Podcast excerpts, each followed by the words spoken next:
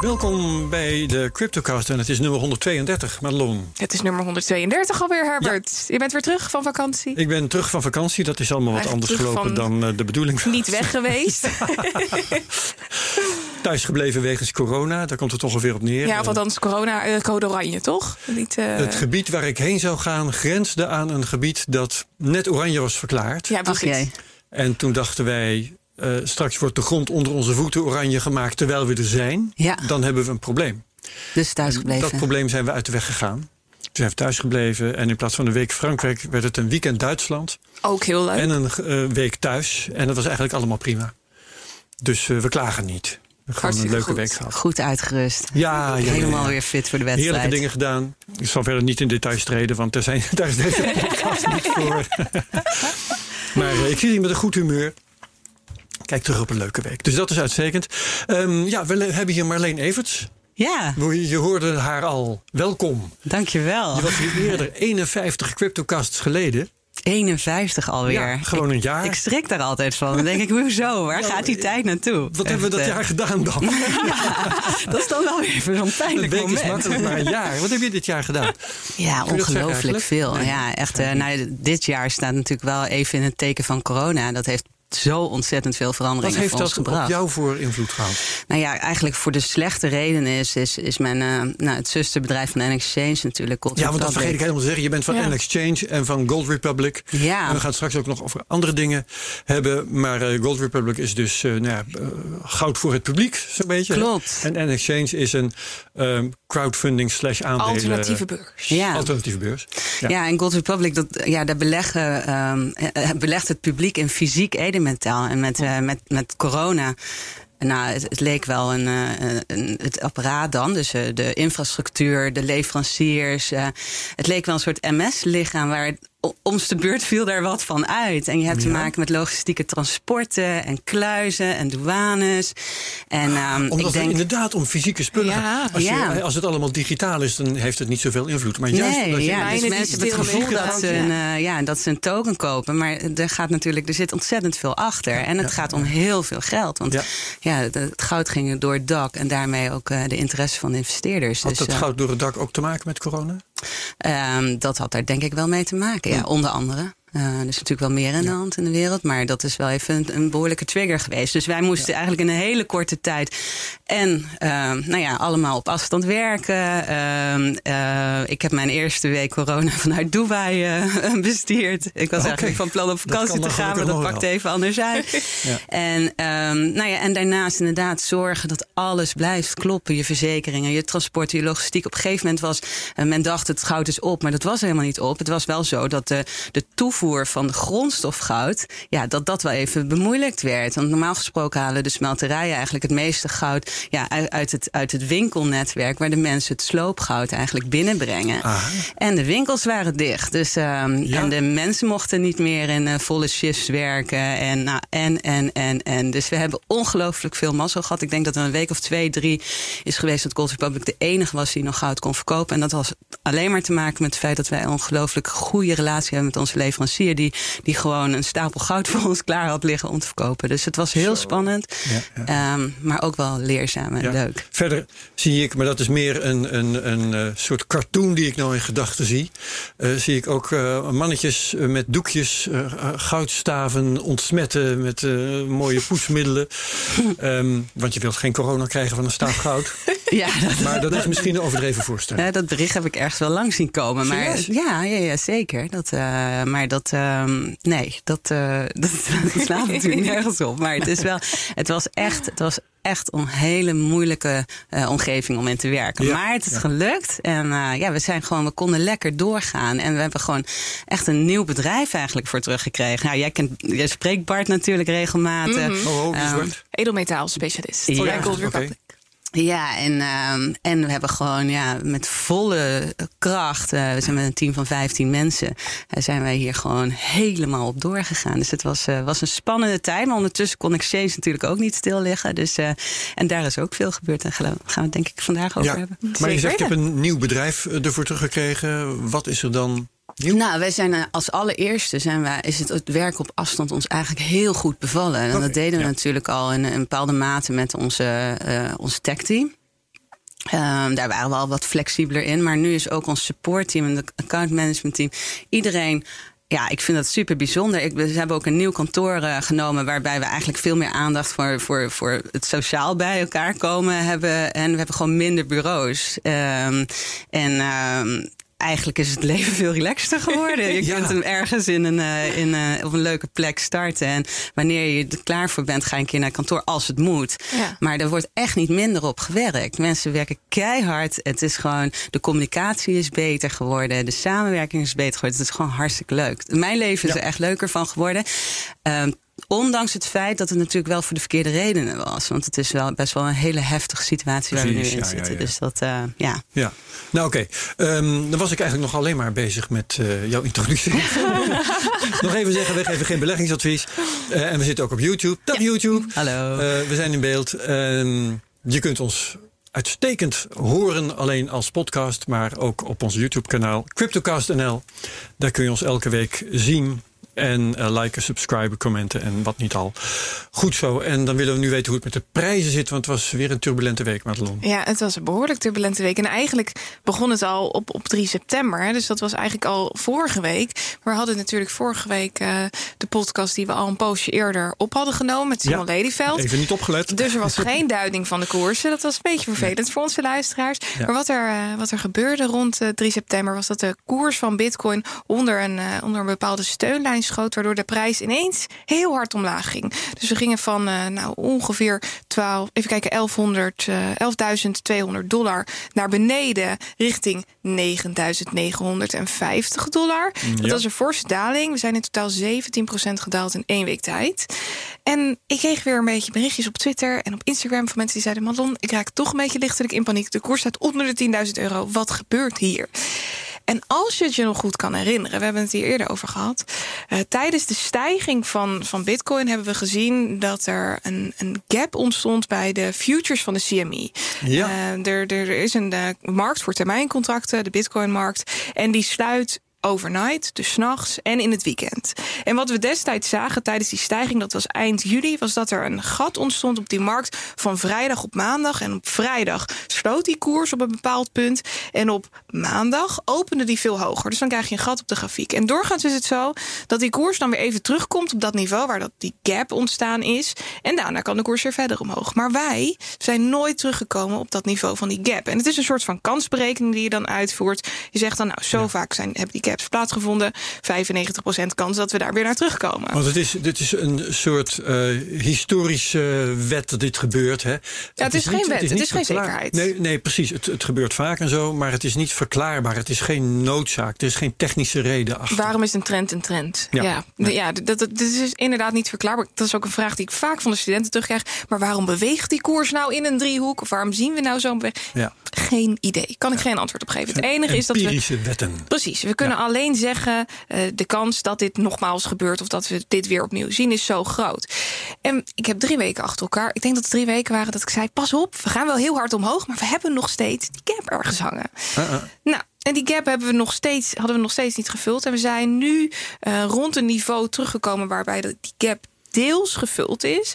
Maar we kunnen nog richting 9700 dollar om die gap compleet te dichten. Dus die mogelijkheid is er nog steeds. We hebben wel momenteel een kortstondige bodem. Ook als ik de RSI bekijk, die loopt langzaamaan weer wat op. Dus we gaan hier wat, wat adempauze, ademruimte uh, nemen. Uh, dat is vaak hoe ik dat, uh, hoe ik dat zeg. Maar um, ja, er is nog steeds mogelijkheid om wat terug te zakken richting die 6007 of 9700 dollar voordat we weer omhoog kunnen. Dus we zijn niet ja. terug die driehoek in. Er is geen man overboord. Het is geen paniek alom. Uh, dit is een rustig terug, uh, teruggang. En het is niet meer dan normaal. En het zou helemaal niet vreemd zijn als we zelfs nog iets verder terugzakken. Want dan wordt de oude weerstandslijn van die grote driehoek. Weet je dat nog? Die grote driehoek die opwaarts uitbrak. Ja. Dat wordt dan een nieuwe steunlijn. En dat is wel wat we vaak in de technische analyse zien. Een opwaartse uitbraak. Oude weerstandslijn testen als nieuwe steunlijn. En daarna door. Ja. Dus dat. Ja, oké. Okay. Dan vind ik het nog wel leuk om te vertellen dat ik uh, eigenlijk al, ik denk dat ik mag zeggen, jaren uh, een beetje aan het zieken ben over die uh, grens van 10.000. Ja. Psychologische grens. Ik geloof, geloof, sowieso niet in psychologische grenzen.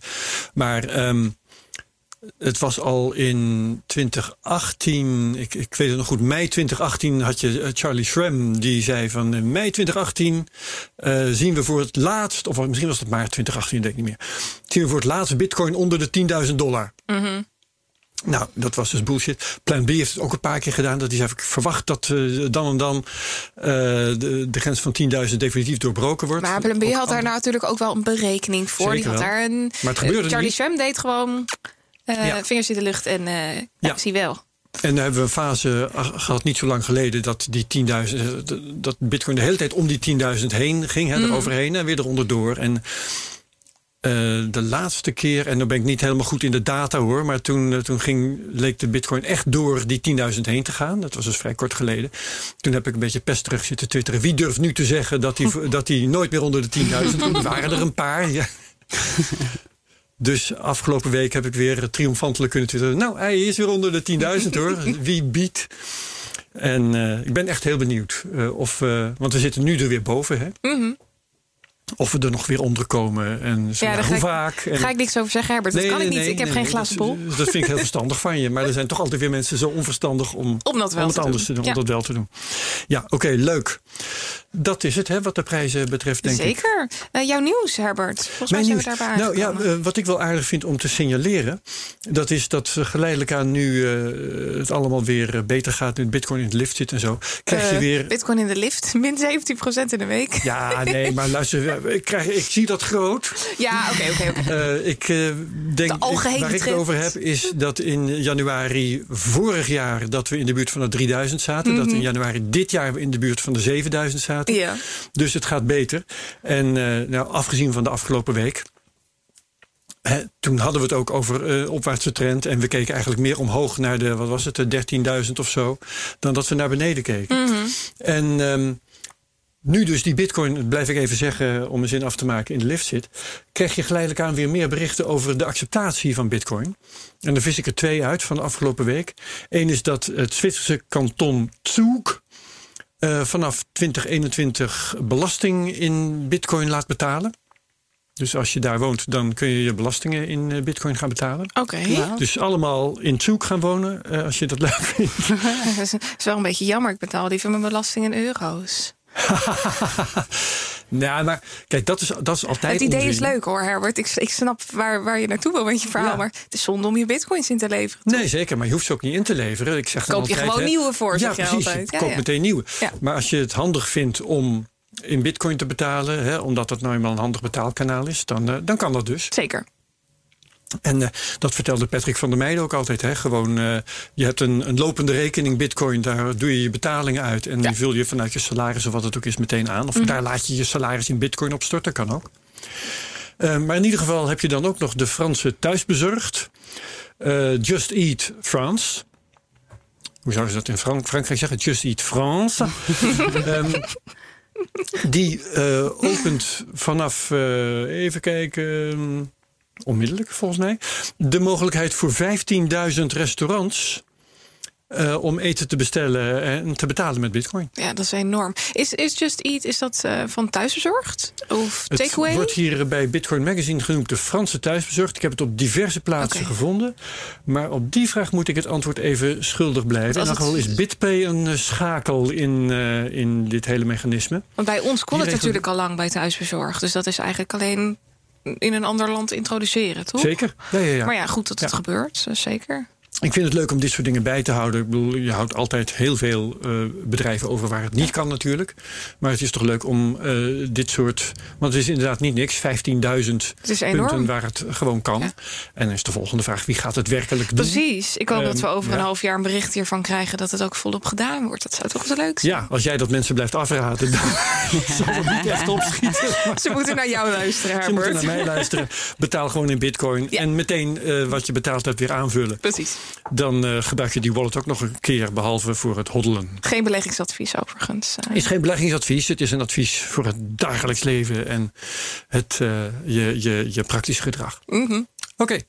Had jij nog nieuws, Marleen? Ja, jij eh, gaat ons wel nieuws vertellen. Ja, maar dat houden we nog even geheim. Daar gaan we Ik, het zo over eh, hebben. ik laat jou aan jou over om het gesprek met Marleen lekker te openen. ja, ik, eh, ik zal eerst nog even beginnen met mijn nieuws. Oh, pardon, neem me niet Ehm, kwalijk. Dat... Ge- geeft helemaal niks, Herbert. Normaal moet jij als laatste. Maar even kijken hoor. Ik had nieuws over DNB-president Klaas Knots. Er stond een, Ja. een stuk op lekkercryptisch.nl geschreven door Peter Slachter.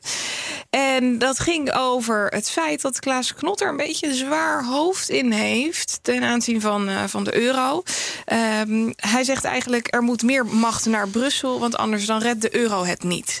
En ik vind het een super interessante, interessante ontwikkeling dat onze eigen DNB-president aangeeft twijfels te hebben over de Notabene in munt. functie. Hè? Meestal gaan ze pas zeggen wat Meestal ze denken. achteraf. Nout zijn. Welling bijvoorbeeld. Ja. Eh, maar hij is nu nog in functie. En hij zei dit tijdens de H.J. Schoollezing afgelopen dinsdag. Eh, vorige week dinsdag was dat. En hij gaf hierin eh, in, aan dat tijdens de, de start van de euro is er al gezegd... er moet eh, vanuit Brussel moet, moet, het, moet het geen aangestuurd worden. Dus alle landen moeten wat minder zeggenschap krijgen. En daarmee is eigenlijk de Europese Unie gestart. En het plan was ook om dat te gaan doen. Maar dat is eigenlijk nooit echt zo uitgerold. Er wordt dus nog steeds besloten over de eigen begroting. Er wordt nog steeds besloten over de eigen staatsobligaties. Eh, vanuit de Europese Centrale Bank wordt daar wel een beetje in, in, in gestuurd. Maar op het moment dat, dat eigen landen zelf blijven bepalen wat het beleid is, dan krijg je daarbij een, een scheefloop. En dat wordt steeds heftiger. En tijdens een crisis als corona zien we dat nog meer. Dus we zien nog meer dat het verschil tussen het noorden van Europa en het zuiden van Europa, dat dat ja, uiteenloopt dat het groter wordt. En hij eh, geeft aan dat hij zich daar echt zorgen over maakt. En wat, er, wat dan nu dus volgens hem zou moeten gebeuren... is dat er nog meer macht richting Brussel gaat. Die zou moeten beslissen over hoe de beleidsvoering binnen landen eh, plaats zou vinden. Dus een algeheel beleid voor heel Europa. Maar de vraag is of daar draagvlak voor is. En als ik daar mijn mening over mag geven, denk ik dat dat er niet gaat komen. Eh, we zien te veel in, in Europa, nou ja, toch wel de anti-Europa-groepen. het is heel lastig om eh, op euro-vlak daar, eh, ik zie Marleen een beetje meeknikken, eh, op, op Europees vlak eh, ten aanzien van de euro daar beslissingen over te nemen.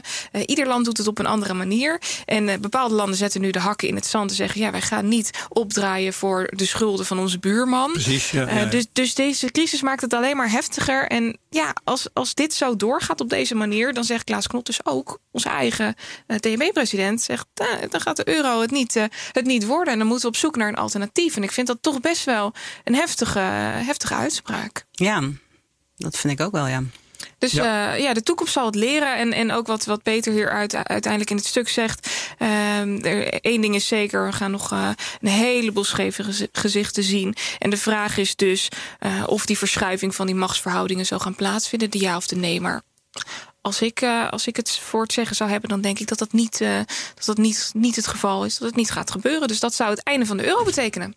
Ja, dat ehm, is wel een heel radicale, maar ja, eh, in theorie. Ja. Eh, Ja, we moeten er sowieso, denken eh, dat ze, om, dat, om dat einde van de euro te voorkomen, dat ze toch maatregelen gaan nemen. Maar eh, dat is natuurlijk het hele dilemma. zeker. Welke, De vraag is tot hoever welke je dat kan doen. pijnlijke kant ga je op? Ja, ja, en ze proberen dus allerlei mechanismes wel plaats te laten vinden. Eh, eh, vanuit de Europese Centrale Bank, de Europese Commissie, die straks belasting mag gaan heffen. De Europese Commissie, die in Nederland zelfs belasting mag gaan heffen op bijvoorbeeld BTW. Eh, eh, dat gaat dus naar Europa toe. Dus, er, dus ze proberen wel van alles, maar eh, het, het draagvlak vanuit de burger moet daar ook zijn.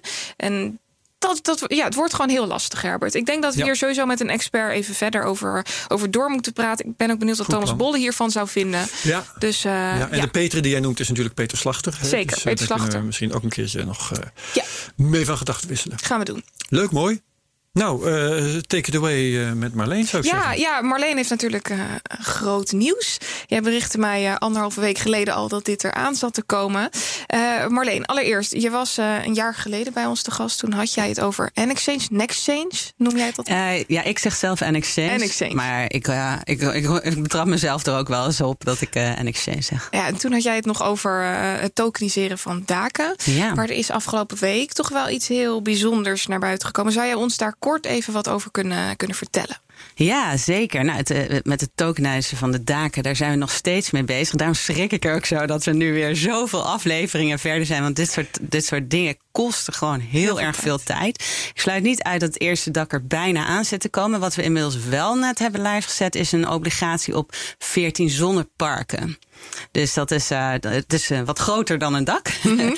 maar uh, ja, daar zijn we inmiddels wel van start gegaan. Uh, de club die met de daken bezig zijn, ja, die zijn gewoon tegen moeilijkheden aangelopen in wet en regelgeving.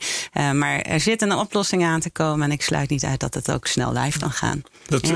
je, je hint al naar wat, wat de oorzaak is van dat het zoveel tijd kost. Dat wilde ik dus net vragen. Kun je, kun je daar iets meer over vertellen? Wat zijn precies die Ja, moeilijkheden? ja, zeker. Nou, zo onge- ongeduldig als ik ben als ondernemer, eh, heb ik nou eenmaal een vak gekozen in, de in de kapitaalmarkt. Waar je eigenlijk niks kunt proberen voordat je voldoet aan alle wet en regelgeving. Regeltjes, regeltjes. Ehm, regeltjes. ja, en dat, dat, dat kost tijd. Nou, die vinkjes hebben wij inmiddels al, al, al lang gehaald met N-Exchange. Eh, we hebben al sinds 2016 onze Regulated Market vergunning.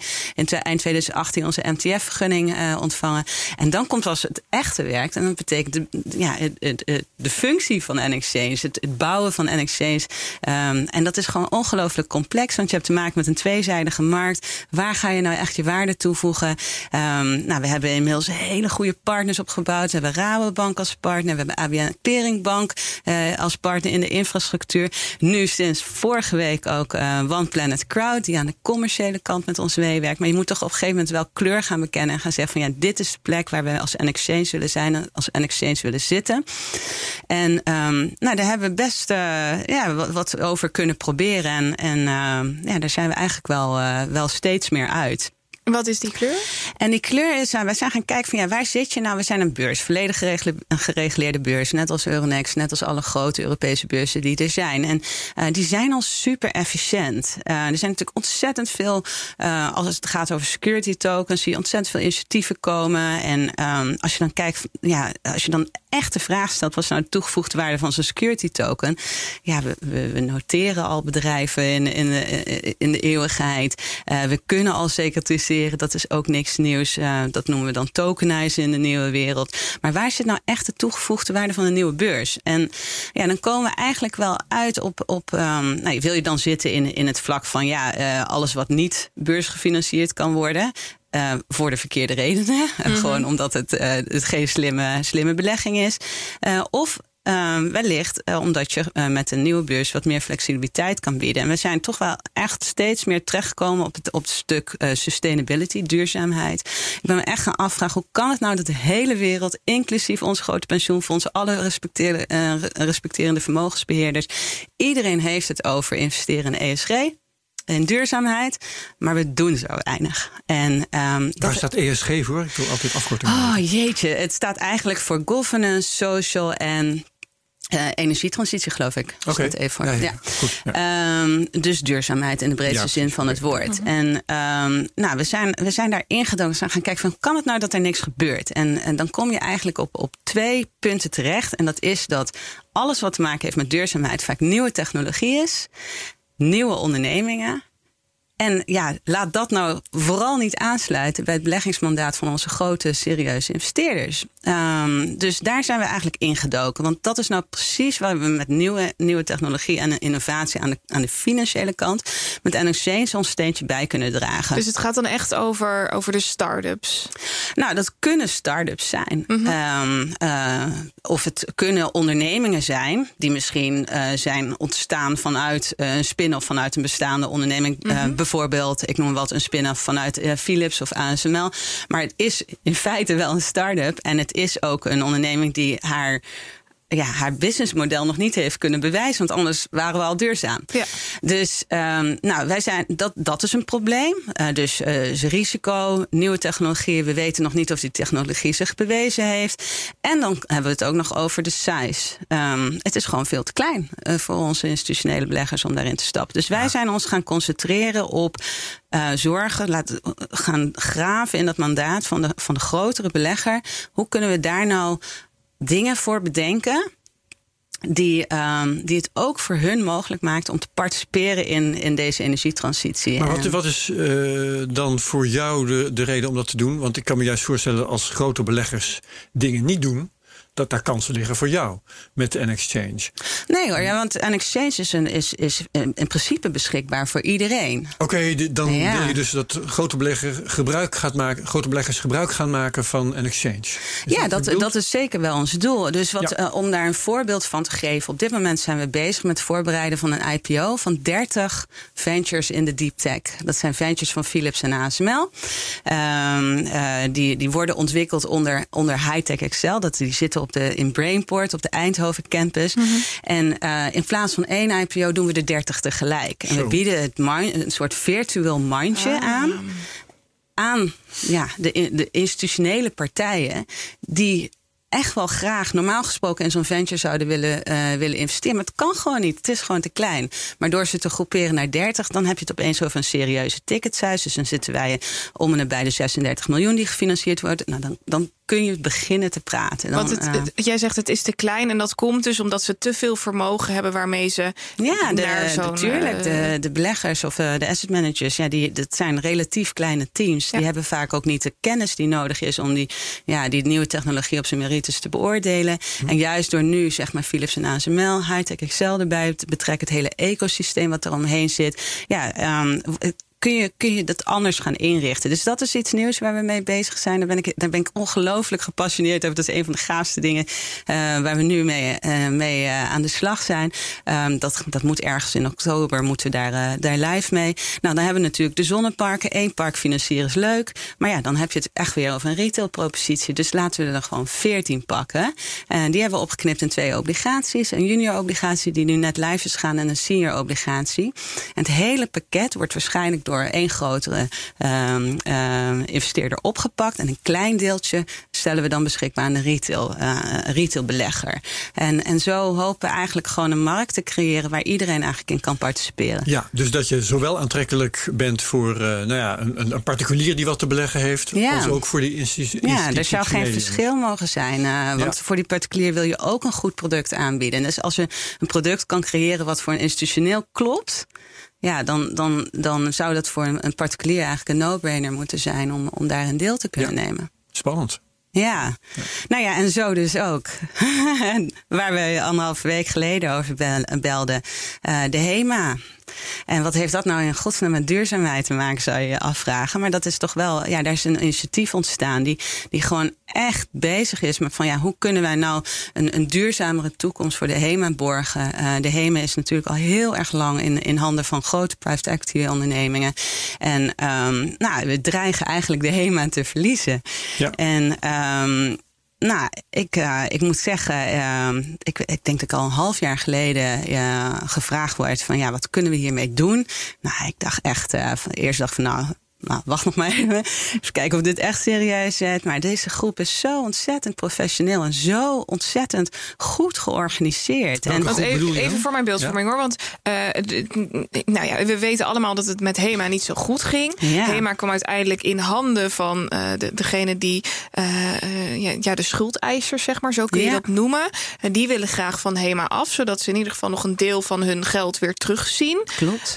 en de, dit initiatief die zegt wij willen HEMA opkopen, als ik ja. het goed begrijp. Ja, dit initiatief is ontstaan vanuit eigenlijk, eigenlijk het publiek. Eigenlijk jij, ik, uh, iedereen die, die een functie heeft uh, binnen de HEMA, maar ook, ik noem maar wat, um, uh, de, ja, de, de, de de werknemers, uh, andere stakeholders die betrokken zijn bij de HEMA.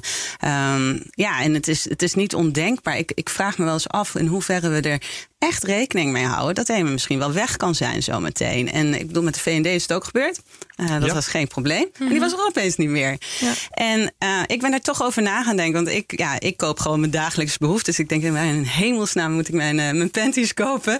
Als de HEMA er niet meer is. Ik denk dat iedere vrouw zich daarin herkent. maar eigenlijk gaat het veel meer over die, ja, de, de kleinere gemeentes. Waar de HEMA een hele belangrijke functie heeft. Een hele belangrijke rol. Nou, toen ik eh, als eerste in contact kwam met, uh, met Stichting Hena, dat is de, de partij die, uh, die hiermee bezig is. Het enige Nederlandse alternatief. Het enige staat, Nederlandse staat alternatief. Toen dacht ik, oh jee, daar gaan we. Um, dus ik, ik dacht van, nou, ik, ik werd er wel door getriggerd, want ik vond het belangrijk.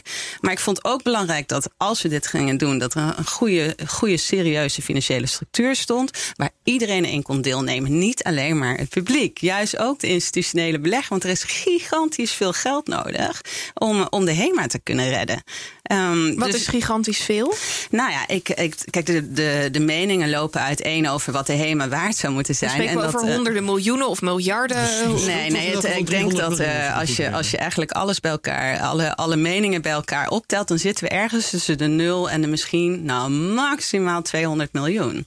Okay. Dus, um, dus, maar dat, ja, daar heb ik ook geen mening over. Maar het is mm -hmm. in ieder geval niet een tientje wat. Uh, ja. Nee, was, er geld nodig. De, de, de, schuld uh, waar Boekhoorn op stuk gelopen is, was dat niet 300 miljoen? Ja, dat is, uh, dat is de schuld die nu is afgeschreven, inderdaad. Oh, die is afgeschreven. Ja. Ja. En dat is ook de reden waarom de HEMA nu in handen is van de schuldeisers. Die graag, ja, die daar maar, iets mee Wat moeten. jij zegt, dat komt er dus op neer dat je denkt dat die schuldeisers uh, mogelijk met 200 miljoen genoegen nemen. Geen idee. Oh, nou ja, goed. Nee, ik, zit, ik zit niet aan tafel. Uh, bij, wij zijn puur faciliterend in, uh, in, in, in, in, deze, in deze functie. Maar het is, wel, het is in ieder geval wel iets. Voor mij was het belangrijk. Ja, laten we alsjeblieft ervoor zorgen dat het geen linksactivisme is of wat dan ook. Mm -hmm. um, vind ik allemaal prima, ook oké. Okay, maar dat is niet iets waar ik me per se mee kan identificeren. Laten we zorgen dat er een goede financiële structuur staat. Waar iedereen in kan deelnemen. Waarbij het voor de kleinere belegger. Ja, of voor de stakeholders van de HEMA. De klanten van de HEMA. De, de, nou ja, de winkelhouders van de HEMA.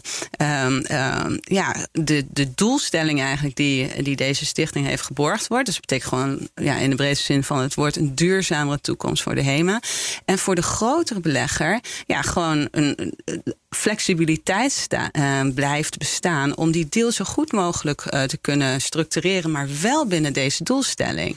Dus um, om die reden zijn de, de administratievoorwaarden van de, van, uh, van de STAK, die straks de certificaten HEMA uit zou moeten geven, die staan ook nog niet vast, omdat er genoeg flexibiliteit gehouden moet kunnen worden um, om, om daar invulling aan te geven. Maar wel met één voorwaarde binnen, binnen, de, binnen de doelstelling van de stichting. En um, ja, die grotere belegger heeft daarmee een flexibele structuur. Kan, aan, kan zich herenigen. Uh, hoeft niet per se uh, uh, ook op, op straat te staan en mensen te motiveren. Maar je creëert dus eigenlijk een soort samensmelting tussen. Um, wanneer heb je nou de meest succesvolle kans om de HEMA te kunnen kopen? A, als je voldoende kapitaal meebrengt. Want de HEMA is, is natuurlijk wel wat waard. En B, ik denk ook echt wel, en daar geloof ik zelf wel in, als er gewoon een grote fanbase is, um, beschikbaar is. Mm -hmm. En dat is wat we heel veel zien in Nederland. We zien veel Nederlandse merken die heel erg bezig zijn. Wij worden daar heel veel door benaderd. Uh, van ja, hoe kan ik nou zorgen dat eigenlijk mijn, mijn, mijn, mijn uh, community, mijn klanten, dat die eigenlijk weer onderdeel worden van mij als, als, als onderneming. Um, en ja, eigenlijk gaan we daar weer een beetje mee terug in de tijd. Uh, waarbij uh, ja, de, de, de, de mensen die iets te maken hadden met de onderneming... heel vroeger al eigenlijk ook de financiering verstrekten... voor, voor de onderneming die er was. En ja, dat, dat is, uh, is leuk.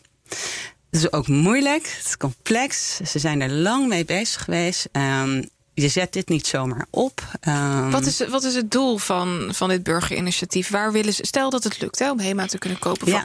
Waar brengen ze HEMA dan naartoe? Want er moet wel een, een bepaald uh, perspectief zijn. Ook als ik, stel dat ik hier als particulier in zou willen beleggen, dan moet dat voor mij uh, moet er bepaalde ja, doelstelling nou ja. zijn gecreëerd waar ze naartoe gaan. Nou ja, naast, naast gewoon het, het economisch uh, uh, rendement wat je uh, uit de HEMA zou moeten kunnen halen. Mm -hmm. en daar, daar, hebben men, daar hebben, zijn verschillende meningen over. Nederland binnen in, in haar thuismarkt en de omliggende markten doet het eigenlijk heel erg goed. Maar er is een hele agressieve uitbreidingsstrategie geweest. ja, die veel geld heeft gekost. En dit initiatief zegt, nou laten we nou juist weer eens even focussen op de thuismarkt, daar waar we zitten. En dan kunnen we eigenlijk nog hele mooie resultaten halen. Ehm, nou, dat, dat zou moeten leiden in de toekomst tot een rendement. Ehm, dus gewoon een economisch rendement wat, wat mensen in de vorm van dividend kunnen, kunnen terugontvangen. Um, maar vervolgens hebben ze eigenlijk nog veel meer doelstellingen. Toch een stukje duurzamer worden, minder plastic, een betere werkomgeving. Nou, die doelstellingen zijn eigenlijk allemaal na te lezen op de, op de site van koopdehema.nl.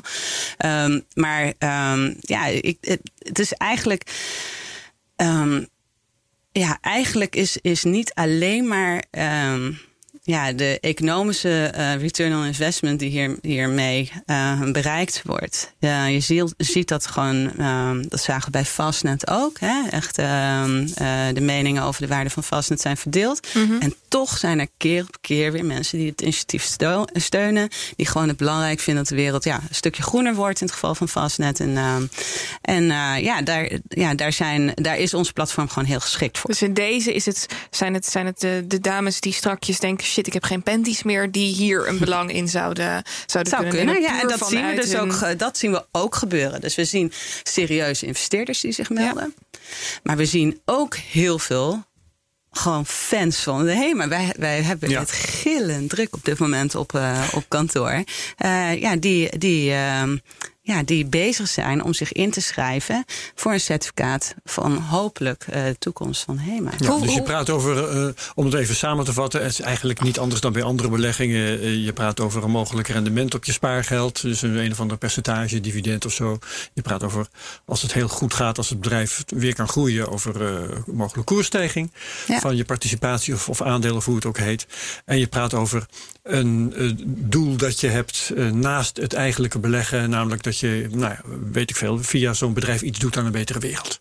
Ja, of gewoon puur omdat je graag zou willen dat de HEMA blijft bestaan. Dat kan ook. Ja. ja. Hij heeft natuurlijk wel een functie van als, uh, van, vanuit ja, het werkgeverschap, et cetera. Dus ja, uh, dus, uh, ja nee, en hoe is dat dan georganiseerd? Um, wat Stichting Hena heeft gedaan, die hebben eigenlijk iets heel hips, iets heel nieuws, een nieuwe structuur van de plank getrokken. En dat, dat noem je een Special Purpose Acquisition Company. Um, die uh, Special Purpose Acquisition Company die bestaat eigenlijk al heel erg lang. Alleen in 2019 zagen we een enorme um, toename van SPACs, zo noem je die, SPACs. Um, ik denk dat in 2019 alleen maar voor 14 miljard is geïnvesteerd via SPACs uh, ja, in de kapitaalmarkt. En wat is zo'n uh, zo'n zo'n zo'n vehicle nou precies? Daar wordt geld op voorhand opgehaald en daarmee gaat deze onderneming een acquisitie doen. Het grote verschil van, uh, van, uh, van, van de HEMA is eigenlijk, ten opzichte van de specs die we tot nu toe hebben gezien, is dat de specs die er tot nu toe zijn, uh, eigenlijk altijd geïnitieerd worden door de grote private equity huizen, die die acquisitie doen en dan hopen een hele mooie exit te maken op het moment dat, dat het publiek eigenlijk wordt aangeboden. Dus um, in dit geval is de spec is opgericht door het publiek. En wordt ook ja. weer aangeboden aan het publiek met een hele duidelijke acquisitietarget. Ja, maar um, kun je dan een eventuele uh, private equity uh, partij wel uh, aan? Zou kunnen, geen probleem. Want die, die, nou ja, die, die overbieden je toch altijd, of niet? Uh, nou, kijk, in dit geval als een private, uh, private equity partij of een family office of uh, wat voor partij dan ook zich melden, die, die gaan op dezelfde voorwaarden bieden naar de koper toe als de rest van, uh, van, uh, van de mensen die zich herenigen in deze spec. Mm -hmm. uh, want um, ja, ze schrijven zich heel simpel. En je bent echt bezig met een zeg maar, voorinschrijving voor een, voor een mogelijke um, IPO. En mensen geven daarbij een, een, of een market order in met name de kleintjes die zeggen: ik, ik voeg mij met bij de rest. De, bij de rest. Ja. Maar de grotere hebben de mogelijkheid om een limietorder in te geven. En die kunnen dus aangeven: ja, ik heb een mening over die waarde van de HEMA. Uh, ik heb me daarin verdiept en ik wil graag kopen, maar wel onder deze voorwaarden. En uiteindelijk uh, vindt daar dus een, een Dutch auction plaats. Uh, dat is een, een veilingsmechanisme waarop wordt bepaald waarmee het meeste geld opgehaald kan worden. op de beste koers waar iedereen in dit initiatief het mee eens is. En hopelijk, want dat is natuurlijk nog niet zeker. Uh, kan, kan, kan deze spec daarmee zich inkopen in de HEMA? Of misschien ja, in, in het extreme geval zelfs de hele HEMA. Ja, ja, precies. Oké, want, want, want ik zat een beetje te hoofd rekenen. Je, je opent nu eigenlijk de mogelijkheid uh, dat je niet de hele HEMA zou kopen, maar alleen maar een, een bepaald deel ervan, hè, percentage. Ja, niks is onmogelijk. Het is Ja, alleen ja. de vraag hoeveel kapitaal haal je op en voor welke prijs is, is- zijn de schuldeisers bereid om te verkopen. Want ik zat even te hoofdrekenen, gewoon een getallenvoorbeeld. Eh, eh, je noemde net eh, 200 miljoen. Even. Eh, daar maak ik een ander getal van, omdat ik dat makkelijk vind. eh, namelijk 170 miljoen. Dat is namelijk een tientje per Nederlander. Bijvoorbeeld. Ja. Alle Nederlanders, Ja. eh, als alle Nederlanders zouden meedoen, is het een tientje per Nederlander. ja, maar we zien nu al dat de, de mediaan van de inschrijving veel hoger ligt. Ook van het Ja, publiek. nou dat moet ook wel, want Ja. niet alle Nederlanders gaan meedoen. Hè. Als 1% van de Nederlanders zou meedoen, dan is het dus 1000 euro per Nederlander. Ja, En zo kun je het doorrekenen. precies. Ehm 1% van de lijkt me ook vrij veel gevraagd. Dus dan, dan, dan kom je erop uit dat je per mensen die per persoon die feitelijk gaat deelnemen, dat je een vrij hoog bedrag nodig hebt. Ja, nee, zeker. Je hebt een vrij hoog bedrag nodig. Maar het, is- het, het, is niet alleen maar het bedrag wat, wat waarde toevoegt aan de onderhandelingstafel. Het is natuurlijk ook het aantal mensen wat eh, zich toevoegt. Dus klein of ja. groot, meld je alsjeblieft aan. Ehm, we zien dat, dat die, die mediaan ver boven het tientje ligt, gelukkig. Maar er zijn ook veel tientjes. Dat is waar. Aha, dus, ehm, en dat maakt dus niet uit, want die aantallen van hoeveel mensen zich nu verzamelen is ook belangrijk. Het is niet alleen maar de som van het bedrag. De, de, Als jij kan zeggen aan de ja. onderhandelingstafel: ik heb een miljoen mensen achter me staan, bij wijze van spreken, Ja. dan gaat dat indruk maken. Dat dan gaat dat zeker indruk maken. Ja, Ja. je zou wel gek zijn als, als, als, eh, als, als investeerder. En dan heb ik het niet over de verkoop, maar als investeerder, grote professionele investeerder, als je niet zegt, nou, ik laat die eh, miljoen mensen even aan de kant staan. Ik eh, neem die niet mee. En het is relatief nou ja, goed, goed geld, geduldig geld, eh, wat deze groep, eh, met name de retailbelegger, Ja, inbrengt. het zijn geen mensen die op zoek zijn naar een exit over drie jaar. Nee, niet per se. Dus, en je koopt er een enorme fanbase mee. Eh, dus het is, het is ook voor de professionele partij interessant om, om ja, aansluiting te vinden bij, bij deze groep. En dat zien we ook. Dat zien we gebeuren. En ehm, ja, er wordt achter de schermen gebeurt er ongelooflijk veel. Ehm, ik zou zelf, eh, ik ben gewoon heel erg nieuwsgierig welke kant het op gaat. Ik weet er zelf gewoon niks over, want alles gaat, eh, is, valt onder NDA's en er gaat natuurlijk om gigantisch veel geld. Dus, eh, Wordt allemaal ehm, geheim gehouden, Ja, dus, dus. dus wij zijn alleen maar bezig met maar kijken dat we zoveel mogelijk mensen kunnen introduceren om mee te doen en te faciliteren. dat- ja. ja. Maar wel te zeggen, wel op een professionele manier. Niet een collectebus die rondgaat. Nee, we zijn gewoon serieuze structuren aan het opzetten om te kijken of dit kan gaan werken in de toekomst. Ja.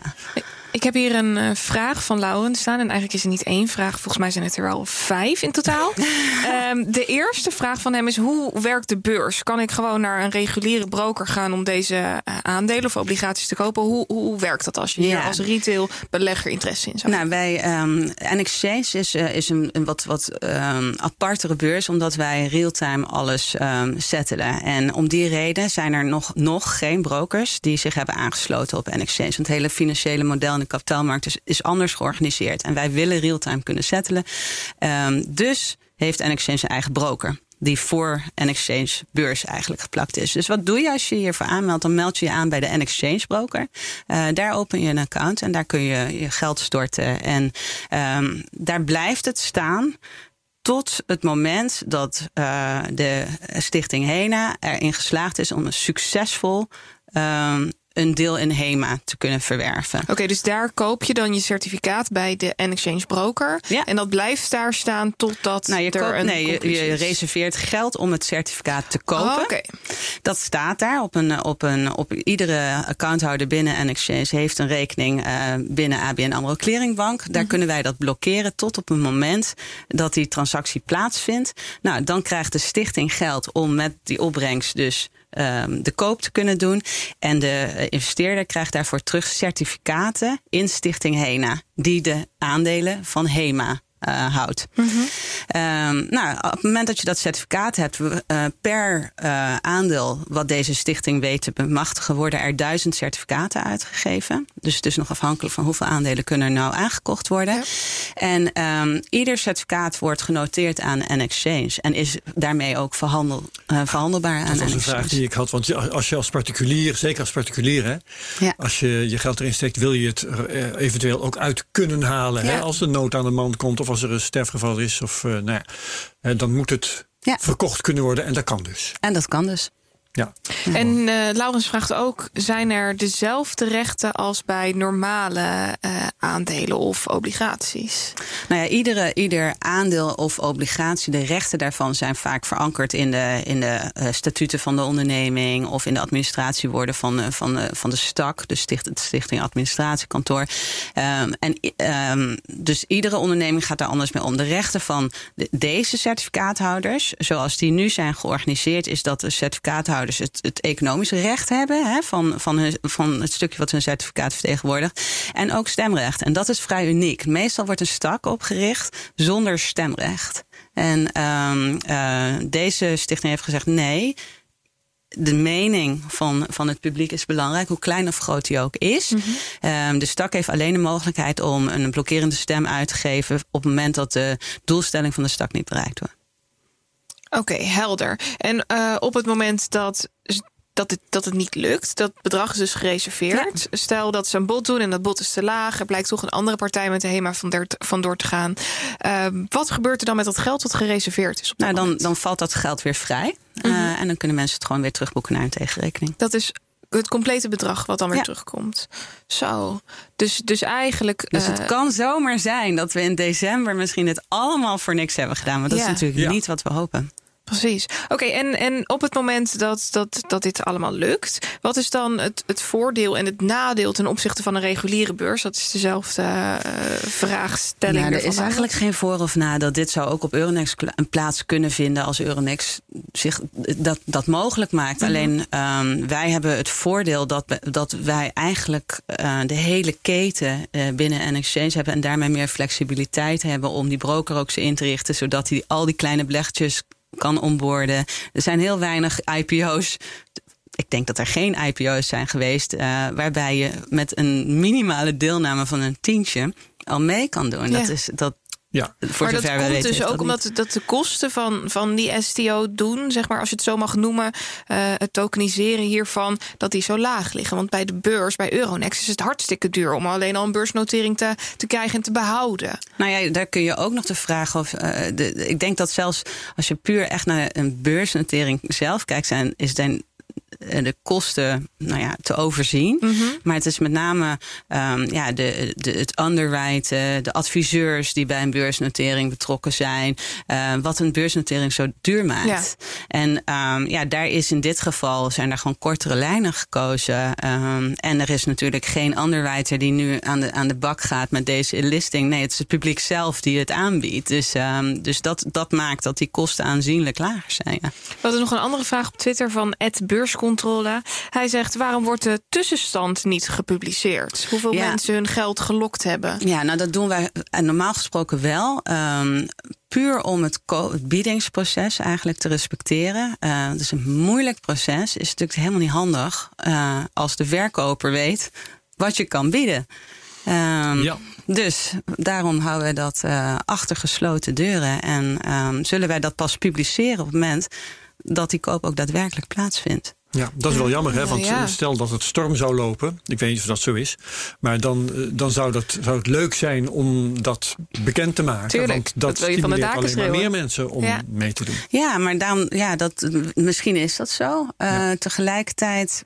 Ja, ik, ik, het, het, het brengt ook veel onrust. Want je ziet nu gewoon. Ja, nu kunnen we gewoon aan de slag. En je doet mee omdat je het wil. En omdat jij het belangrijk vindt. En niet. Het is gewoon je eigen motivatie. En, en nou ja, we zien ontzettend veel mensen zich melden. Dus, uh, dus ja, blijkbaar is dat niet nodig. Ja, en zijn er dan verder nog uh, concurrenten, kapers op de kust? Uh, weet je daar iets van? Hebben zich Van al... mogelijke kopers ja, van de van ja, van die private equity Zeker weten, ja, absoluut. Er is een, heftings, een heftig uh, biedingsproces vindt daar plaats. En, uh, en um, ja, dat, dat, dat, dat gaat, het gaat natuurlijk niet over een pakje suiker. Dus, um... Nee, precies. Maar er, ik, ik zie ook nog een vraag staan die uh, via Twitter is binnengekomen. Dat is eentje met een vraag met een, nou ja, duidelijk sceptische achtergrond. ik, zal de, ik zal maar gewoon voorlezen. Maar Ja, doe maar hoor, Herbert. Waarom zou Geen je investeren in een door sprinkhanen uitgemolken met schuld doordrenkte tent als de HEMA? Nou, daar heeft hij wel een punt, in alle eerlijkheid. Ja. Uh, want dat is natuurlijk wel ge gebeurd met de HEMA. De ja. private equity uh, bedrijven hebben de HEMA gekocht en dat gefinancierd met torenhoge schulden. Ja, maar die is nou Ehm, toch afgeschreven, zei je net? Eh, een deel daarvan, nog niet alles. dus, ehm, dus dat is ook heel bela- een belangrijk onderdeel van dit biedingsproces. Is dat de, de herstructurering van die schuldpositie. Dat het op een manier. Want als je, als je alle schulden eigenlijk mee zou nemen. dan kun je de vraag stellen of HEMA überhaupt dat waard is. Dus hoe die her- herstructurering in elkaar zit. dat maakt ontzettend veel uit voor wat het, het aandeel HEMA straks waard is. Ja, maar dat betekent dus dat je als particulier eigenlijk niet weet waar je je geld aan toezegt. Dat klopt. Kun je jezelf je weet hier... niet, nee, wacht even. Je weet wel waar je geld aan toezegt. Je weet dat je een aandeel HEMA koopt. Je Ja. weet alleen niet op welke prijs, eh, eh, welke prijs zou kloppen. Want het hangt van zoveel factoren af. En er zullen wel, eh, ik denk met name professionele beleggers zijn die daar wel een mening over vormen. Anders zouden er geen bieders zijn op HEMA op dit moment. ja. Maar het is wel, dus het is gewoon complexe materie. Maar dat betekent waar, dat je eh, als ja. particulier op achterstand staat. Want al die private equity partijen die sturen wel een accountant voor boekenonderzoek. Maar Ja. je mag er toch En- van uitgaan dat, dat de stichting HENA ook goed onderzoek doet naar wat HEMA Ja. waard zou zijn. Oké, ja. Ja, nee, zeker. De Stichting Heen, en daar zitten gewoon ongelooflijk professionele mensen bij. eh, die eh, ehm, nou ja, serieus genomen worden aan de tafel, aan de onderhandelingstafel. Het grote verschil is dat, ehm, dat zij, en dat, daarom hebben ze, zijn ze ook nu gestart met het ophalen van kapitaal. Ehm, tot op heden eh, hadden zich bijna 17.000 fans al verzameld die ge- aangegeven hebben dat ze gemiddeld tussen de 200 en 500 euro willen investeren in de HEMA. Ehm, maar ja, nu moeten ze ook kleur bekennen eh, door te laten zien dat ze daadwerkelijk die koopkracht hebben. Ja. En dat Ja. zijn alleen nog maar de fans. En, eh, dus, en dan hebben we het nog niet over de mogelijke aansluitingen bij grotere investeerders die ook interesse hebben. Maar de is een detail, en dan weet ik niet of ik slecht heb opgelet dat je het misschien al gezegd hebt. Ehm, maar ik, eh, stel ik ben particulier, ik zeg een bedrag toe, of ik geef aan dat ik dat beschikbaar heb.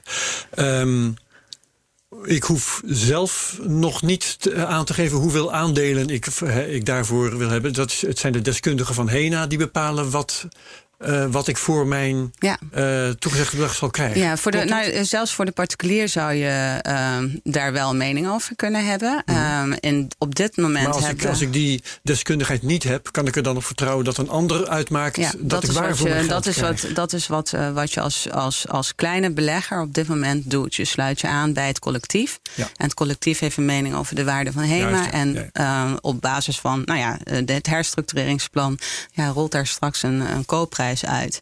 En eh, naar, ja, eh, in ieder geval zou dat, zou dat eh, een goede prijs moeten zijn. Daar gaan we wel vanuit. Ja, Wanneer moet dit rond zijn? Wanneer horen we hier meer Nou ja, over? het, eh, dit, ehm, deze uit, of de mogelijkheid tot inschrijving op deze uitgifte, die staat nu eh, tot 31 december ingesteld.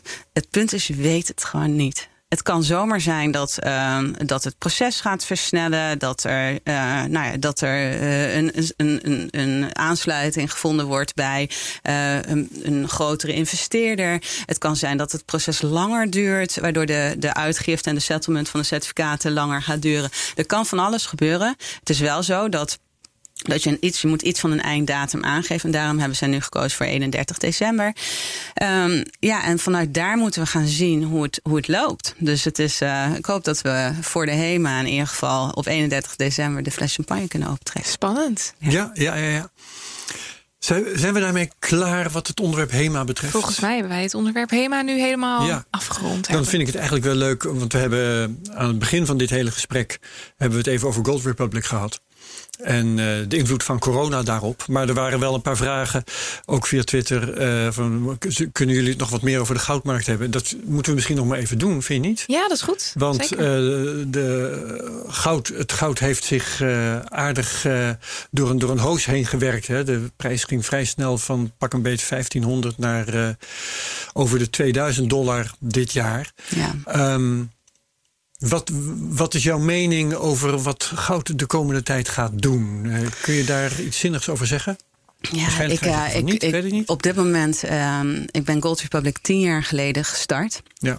En ehm, ik heb in ieder geval, ehm, als je rationeel gaat, eh, een mening gaat vormen over wat de prijs van goud zou moeten doen, ja, dan, was die, dan had hij nu niet, dan had hij nu al op X mogen staan, wat mij betreft. In alle eerlijkheid. Veel ik heb tien jaar geleden, eh, het- i- i- i- tien jaar lang denk ik al van, nou, dit, dit is onhoudbaar. Ehm, eh, er zijn uh, valutaoorlogen gaande. Uh, de schuldenposities van alle landen lopen op. En toch, keer op keer, betrap ik erop dat um, ja, niet je rationele inschatting van wat die koers van goud zou moeten doen waar is. Maar met name, ja, wat zegt de markt? En, ja. en ik, heb, ik heb daar dus al heel lang geleden afscheid van genomen om een mening te hebben over waar de koers van goud heen gaat. Wij zijn puur faciliterend met Gold Dus wij, wij bieden de mensen uh, de mogelijkheid om fysiek edelmetaal aan te kopen. En dat dan te houden in een kluis die niet onder het bankensysteem valt. Want dat is vaak voor, voor onze klanten belangrijk.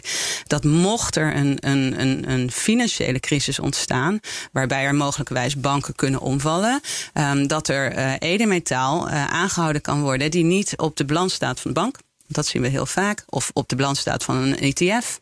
Um, of nou, et cetera, et cetera. En dat is, dat is puur de functie die wij invullen.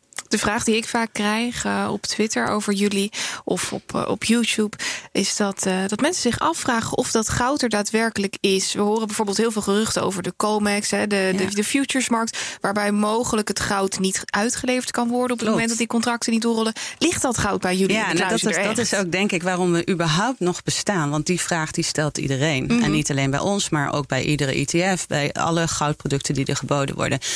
We hebben er bij Gold Republic voor gekozen om vanaf moment één onze administratie volledig transparant te maken. Dus je kunt, wij werken ook om die reden. Er zijn heel veel aanbieders die eigen kluizen hebben. Bijna alle banken die edelmetaal aanbieden, hebben eigen kluizen. Of andere aanbieders in de markt hebben eigen kluizen. Wij hebben ervoor gekozen om met derde partijen te wer werken, die aangeven welk edelmetaal er in de kluis ligt. En met welk edelmetaal bedoelen we echt specifiek welke baar, welke size, welk nummer heeft die.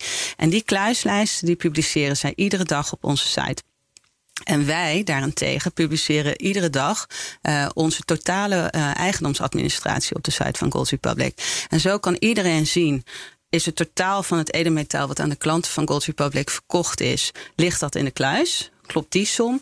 Maar ik kan ook zien dat ik als, als houder van een specifieke baar met een specifiek nummer, um, of die baar er ligt en of die niet gehouden wordt door een andere uh, klant van Gold Republic. En die, die, die, die die, dat eigendom, dat verandert steeds. Want je hebt op, en binnen Gold Republic mensen die een hele baar aanhouden. Maar een grote beleggingsbaar is, is 12,5 kilo. Nou, inmiddels meer dan een half miljoen. Um, de kleine belegger uh, kan dat niet kopen. Dus die wordt mede-eigenaar van zo'n baar. Dus iedere keer als er iemand in die, in die verdeling een stukje goud verkoopt. Ja, dan verandert die verdeling dus weer. En dus iedere keer, ieder moment van de dag wordt die, die eigenaar eigenlijk op de hoogte gehouden. Welke baar hij bezit en in welke baar ja, hij mede-eigenaar is. Um, dus dat is, uh, dat is wat we doen. En dat is denk ik ook echt wel. Ja, de, dat maakt het, het, het, systeem ook wat duurder. Hè? Dus uh, je, je kunt niet ja. een stapel goud neerleggen. En uh, dat maakte ons, onze positie in tijden van corona ook zo lastig. Want Mhm. mm -hmm. ja, dat goud moet er liggen. En pas dan kan het gesetteld worden voor het geld wat iemand betaald heeft om het goud aan te kopen. Nou, en dan komt dat goud die kluis maar niet in, omdat het ergens bij een douane ligt die hem niet het kan bleef inklaren. een poosje in transport wow. zitten, ja, ja, kan ik me nog ja, herinneren. ik heb een uh... order geplaatst destijds. En volgens mij heeft het tweeënhalve week à drie weken geduurd dat hij nog in dat busje zat. En ik stel me dat dan ook echt voor dat hij dan zo ergens voor de grens met mijn uh, goudstaven daar zo uh, staat te track and trace bij wijze van spreken. Dus maar dat is precies. duurde een poosje. ja, dat is precies wat er gebeurde. En, en want wij moeten kunnen aantonen dat als jij dat goud dan hebt dat die bui ook in die kluis liggen. Dat kunnen wij niet. Dat kan alleen maar de externe kluisbewaarder. Dus, uh, dus dan maar moet wat, ook wat wel weer fijn is, dat mocht je, dan, mocht je dan toch in paniek raken, dat je het ook weer kan verkopen op het moment dat het nog in transport is. Ja. Dus je kan het alweer aan ja. iemand anders doorverkopen, mocht, ja. dat, uh, mocht dat nodig zijn. Zeker. Maar uh, wat ik me afvraag is, het, tijdens de corona is, is de vraag niet enorm toegenomen. We zagen het bijvoorbeeld bij brokers op de beurs, de aandelenmarkt, dat ineens allemaal particuliere of retailbeleggers uh, op die markt uh, storten. Ik kan me indenken dat dat tijdens uh, corona... dat het eigenlijk het ideale moment voor goud en zilver is. Ja. Hoe cru ook, om te floreren. Nee, daarom zeg ik ook... voor de, voor de verkeerde redenen heeft Gold Republic het ongelooflijk goed ja. gedaan. Ik denk dat wij op dit moment... Ik, ik, nou, verreweg de grootste partij zijn. Ik denk dat we nu een kleine nou, wat zou het zijn, 170 miljoen, misschien is het inmiddels meer, uh, uh, uh, aan edelmetaal namens particuliere investeerders opgeslagen hebben in alle kluizen. Mhm. Mm -hmm. wat, is, wat is de toename geweest dit jaar, het coronajaar? Ehm, Wij, ik denk dat voor corona, nou ja, jeetje, waar zaten we toen? Uh, ja, misschien op een 70, 80 miljoen. En er zijn natuurlijk ook nog mensen die posities hebben verkocht in die, in die periode. Dus uh, dan, dat geeft wel aan. Dus ik denk dat iedereen rekensom wel kan maken. Ja. Dus het is gigantisch. Wow. Ja, dat is echt. Dus het is. En ja, gelukkig kunnen we dat met relatief een heel klein team doen. Uh, omdat alles geautomatiseerd is. Um, maar het is wel, ja, het zijn wel wel interessante tijden. En ja, voor ons gelukkig, maar ook in tijden dat goud niet zo interessant is als nu, um, zien we toch wel dat er veel Nederlanders uh, goud aanhouden in Nederland. We hebben eigenlijk ook als het, als, als het uh, als goud wat minder in de gratie is, nog steeds wel veel mensen die zeggen van ja, ik, ik koop dat toch een, als een deeltje een hedge op mijn cashpositie eigenlijk. En ja. ik, ik, laat dus veel uh, vermogende mensen die zeggen van nou, ik, ik, ik moet toch ook nadenken over mijn nalatenschap. Uh, laat ik zorgen, veel spaarrekening. We hebben ongelooflijk veel goudspaarders. Echt hartstikke leuk. Wat wel bijzonder is. Kun je, kun je aangeven hoeveel mensen nu via jullie in goud doen? Ik denk, uh, ik, ik schat in een, een kleine 18.000 mensen. Ja. Okay. ja van klein tot groot. En wat we dus zien is heel grappig. De, de, de, de basisdoelgroep, onze eerste kopers waren eigenlijk voornamelijk 55-plussers. Terwijl wij Gold Republic echt opgericht hebben voor, ik dacht dat ja, voor mijn leeftijdsgenoten. Nou, die waren dus, waren en zijn eigenlijk helemaal niet actief. Uh, dus alles tussen 25 jaar en 55 jaar, daar zien we eigenlijk vrijwel geen activiteit. En dan zien we weer een nieuwe groep tussen de 18 en de 25 jaar. No en way. die zijn ontzettend actief. Want ja, waarom? En daar ben ik echt over na gaan denken. Ja, ik ben natuurlijk opgegroeid met de eindeloze studiebeurzen, hypotheek. Nou, ik denk dat ik zeven keer mijn jaarsalaris uh, gewoon met een krabbel van, uh, van mijn werkgever meekreeg. Er was gewoon onbeperkt geld beschikbaar. Pensioenen, daar heb ik echt nog nooit over nagedacht in die, in die leeftijdsfase. maar de, de jongeren van nu, die, moeten dat natuurlijk, die worden daartoe gedwongen. Uh, door de situatie, door de studiebeurzen die zijn enorm zijn gekort, et cetera. We hebben bij ons wel lang levende lol. En ja, we zagen wel. Ik, ja, dat moet ik even verwerken. ja, ik begrijp het compleet. Ja. Ik, Ja. Ik, uh, ik zit in die generatie waarin het heel lastig is om bijvoorbeeld als ondernemer om überhaupt een, een, een, een pand te kopen. Uh, het, het, het is super dan- lastig ja. als, je, als je geen studiefinanciering kan krijgen of gelijk moet gaan lenen.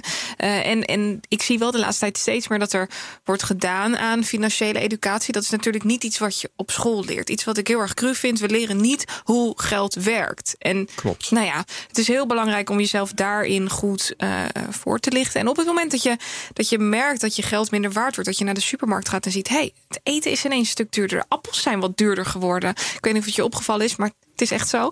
Uh, dan, dan ga je daarover nadenken. En uh, voor mij is het heel prettig dat ik iedere keer een beetje geld richting goud, richting zilver, richting bitcoin ook overigens. Dat ik een beetje spreiding meer mee heb en dat die inflatie, dat, dat, dat het wat wordt gedrukt vanuit dat perspectief. En ik denk dat Ja. jongeren, ondanks dat het geen beleggingsadvies is, maar dat jongeren er goed aan doen om na te denken over hun uh, financiële positie en ook over de toekomst, over je pensioen. De vraag is maar hoeveel er nog over is op het moment dat mijn generatie straks met pensioen Nee, gaat. dat is, d- dat is allemaal waar wat je zegt. Maar het, uh, mijn beeld van nou ja, die leeftijdsgroep, wat die Marleen net schetst, 18 tot 25, is toch meer hè, dan op grond van krantenberichten. Want uh, ik lees de krant. Dat, uh, dat, dat doet, mijn, meer- doet mijn leeftijdsgroep niet, Herbert. Nee, nee, Nee, ik, zou dat- serieus niet weten wat dat een appel kost of een pak melk. Dat is het aller. Maar dat die leeftijdsgroep dus eer, makkelijker in de schulden belandt dan dat ze geld Ja. over zouden hebben om goud te kopen. Nou, ik ben ook in alle eerlijkheid uh, door corona enorm wakker geschud. Ik ben uh, nou, natuurlijk best goed gedaan met mijn onderneming. Ik heb altijd bij Optiver, dus ik had mooi startkapitaal. En opeens dacht ik, jeetje, ik, ik, ik ga er eigenlijk maar vanuit dat het altijd goed gaat. En ik heb nu toevallig een onderneming die het heel goed doet bij de, deze situatie. En uh, ik ben voor het eerst zelf ook maar een spaarplan geopend. uh, want, ik, want, want dan ga je verdiepen in, in de alternatieven. Van ja, wat, waar beleg je? En natuurlijk heb je wat vastgoed. En natuurlijk heb je, heb je wel gezorgd voor een wat gespreidere portefeuille. Maar ja, het, je wordt wel even wakker. En we zijn echt niet zo opgevoed. Mijn leeftijdsgenoten zijn niet zo opgevoed. Ja, nee. En um, dus dat is, uh, dat is wel in ieder geval uh, um, ja, eentje om mee te nemen, denk ik. Echt, uh, Goed, nou voor al onze luisteraars, uh, dat moeten we trouwens nog eens onderzoeken. Hebben wij eigenlijk luisteraars tussen 18 en 25? Oh, misschien moeten we even een polletje op Twitter. Als je, als je deze, Ja, deze aflevering geluisterd hebt, ja, check even het polletje op Twitter. Ja, Dat, gaan we, dat gaan we opzetten. Mooi zo, dat is een mooi uh, end van deze podcast. Zeker. Dankjewel Marleen Evert. Dankjewel. Van N-Exchange van Gold. Republic. Ga kijken op die uh, Red, wat is het? Koop de HEMA. Koopdehema.nl of .nl. nexchange.com slash koopdehema. Daar vind je ook alle Ja, informatie. We maken natuurlijk ook eh, show notes en eh, daar kun je het ook ja, laten we gewoon met z'n allen even de HEMA gaan kopen. Het We lijkt gaan me met z'n allen even de. HEMA kopen. Goed, even naar de HEMA en een HEMA kopen. Yes. Goed, ehm, tot zover deze CryptoCast. Dankjewel, Marlon, dankjewel Marleen. Ehm, Herbert, jij natuurlijk bedankt. en zet de CryptoCast van volgende week erg. En dan sp- spreken we namelijk met Andy Hendricks. Die is Cardano Foundation Community Manager. Zo, dat is een gaan mond het vol. hebben over Cardano. Dat is eh, ja, weer eens een keertje een andere coin om over te hebben. Leuk. En als je deze aflevering leuk vindt, De deel hem op Twitter. omhoog. Op YouTube, precies. Eh, Like, subscribe, comment. iTunes reviews maken. Zeker Je weet het allemaal, dan kunnen andere liefhebbers de podcast beter vinden. Dankjewel allemaal. En tot volgende week. Dag. Dag.